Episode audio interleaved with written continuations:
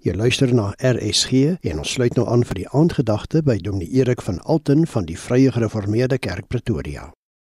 Bybelse wysheid is transcendent, so het ons gisteraand gesien.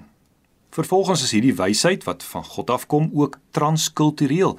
daarmee bedoel ons dat hierdie wysheid waarde het vir alle fasette van die geskape werklikheid, vir die kultuur, maar ook vir die natuur. Ons sien dit pragtig in die persoon van Salomo, daardie jong koning wat van die Here wysheid afgebid en ontvang het. In die verhaal van die twee prostituie en hulle babatjies in 1 Konings 3 vind ons vervolgens 'n fascinerende voorbeeld van hoe Salomo hierdie wysheid in die praktyk van die lewe uitgeoefen het. Sodanig dat die hele Israel en ek moet toegee ek ook bevrees was vir die koning, ontsag vir hom gehad het. Ons sien in hierdie verhaal hoe die goddelike wysheid impak het in die sweer van die regspraak.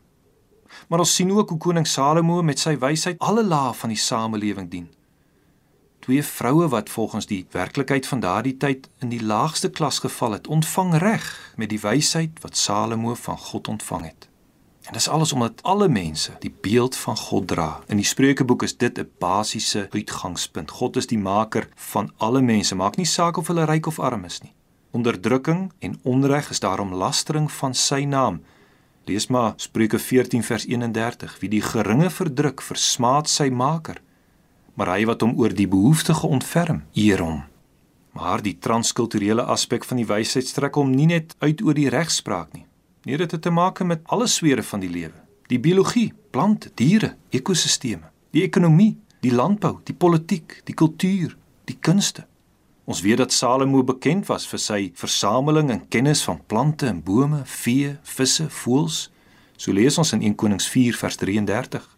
In 1 Konings 10 kan ons aflei dat hy 'n koninklike tuin en dieretuin gehad het. En dit was nie net vir die skoonheid daarvan nie. Nee, oor al hierdie swere het Salomo spreuke uitgespreek.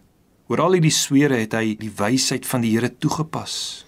Ja, die wysheid van die Here is transkultureel. Dit strek hom uit oor alle swere van die lewe, die kultuur, maar ook die natuur.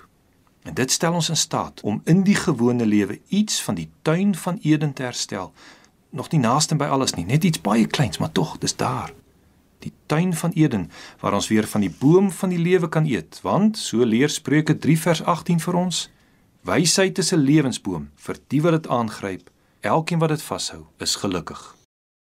Die aandgedagte hier op RSG is aangebied deur Dominee Erik van Alten van die Vrye Gereformeerde Kerk Pretoria.